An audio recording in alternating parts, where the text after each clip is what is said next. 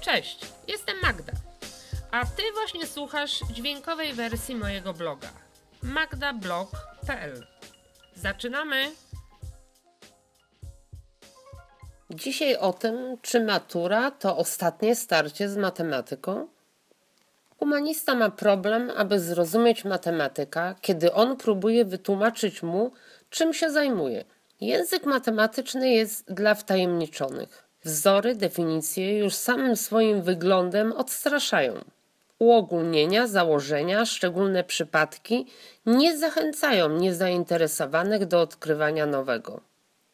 Twierdzenia i ich dowody budzą humanistyczną grozę. Logarytmy, wzory skróconego mnożenia, potęgi o wykładnikach wymiernych, funkcje wykładnicze i trygonometryczne. Trudno zrozumieć, jeśli wcześniej nie polubiło się królowej nauk.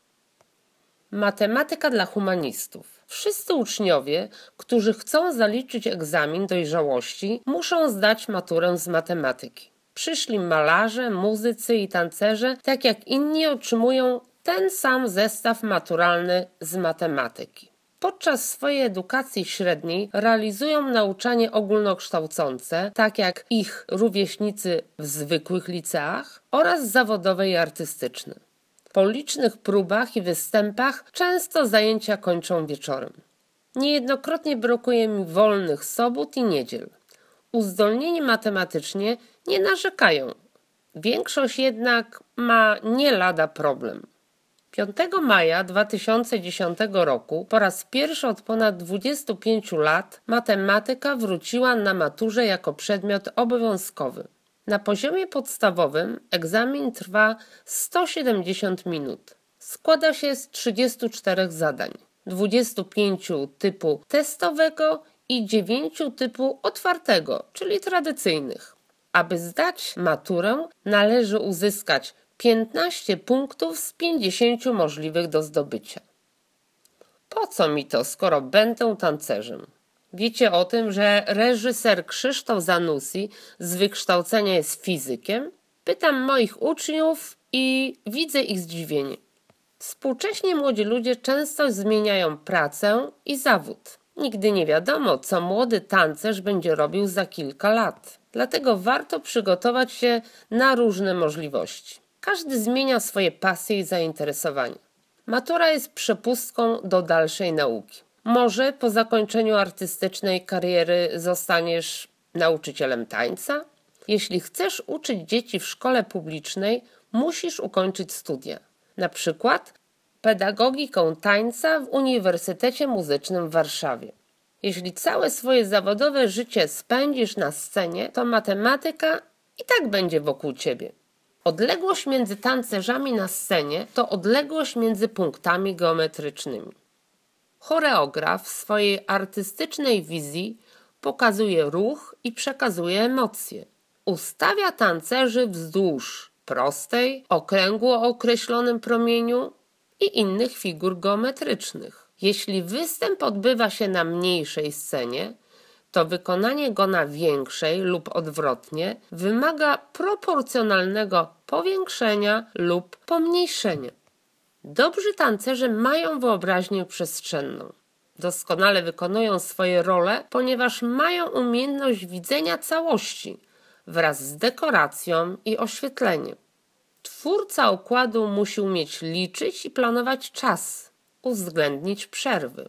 Jeśli artysta chce stworzyć prywatną szkołę i osiągnąć sukces, powinien zaprzyjaźnić się z królową nauk.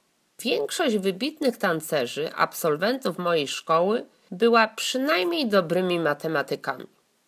Po co mi to w życiu? Na przykład po to, aby ćwiczyć logiczne myślenie i gimnastykować swój mózg, rozwiązywać krzyżówki, rebusy i gry logiczne na przykład sudoku i inne.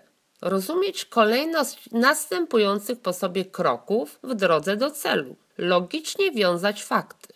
Na przykład umieć samemu zgodnie z instrukcją złożyć z wielu elementów szafkę kupioną w sklepie. Grać w szachy, warcaby i inne gry planszowe, które uczą strategicznego myślenia, przewidywania ruchów innych graczy. Po to również, aby łatwiej planować każde swoje działanie. Dobrze zorganizować wakacyjny wyjazd.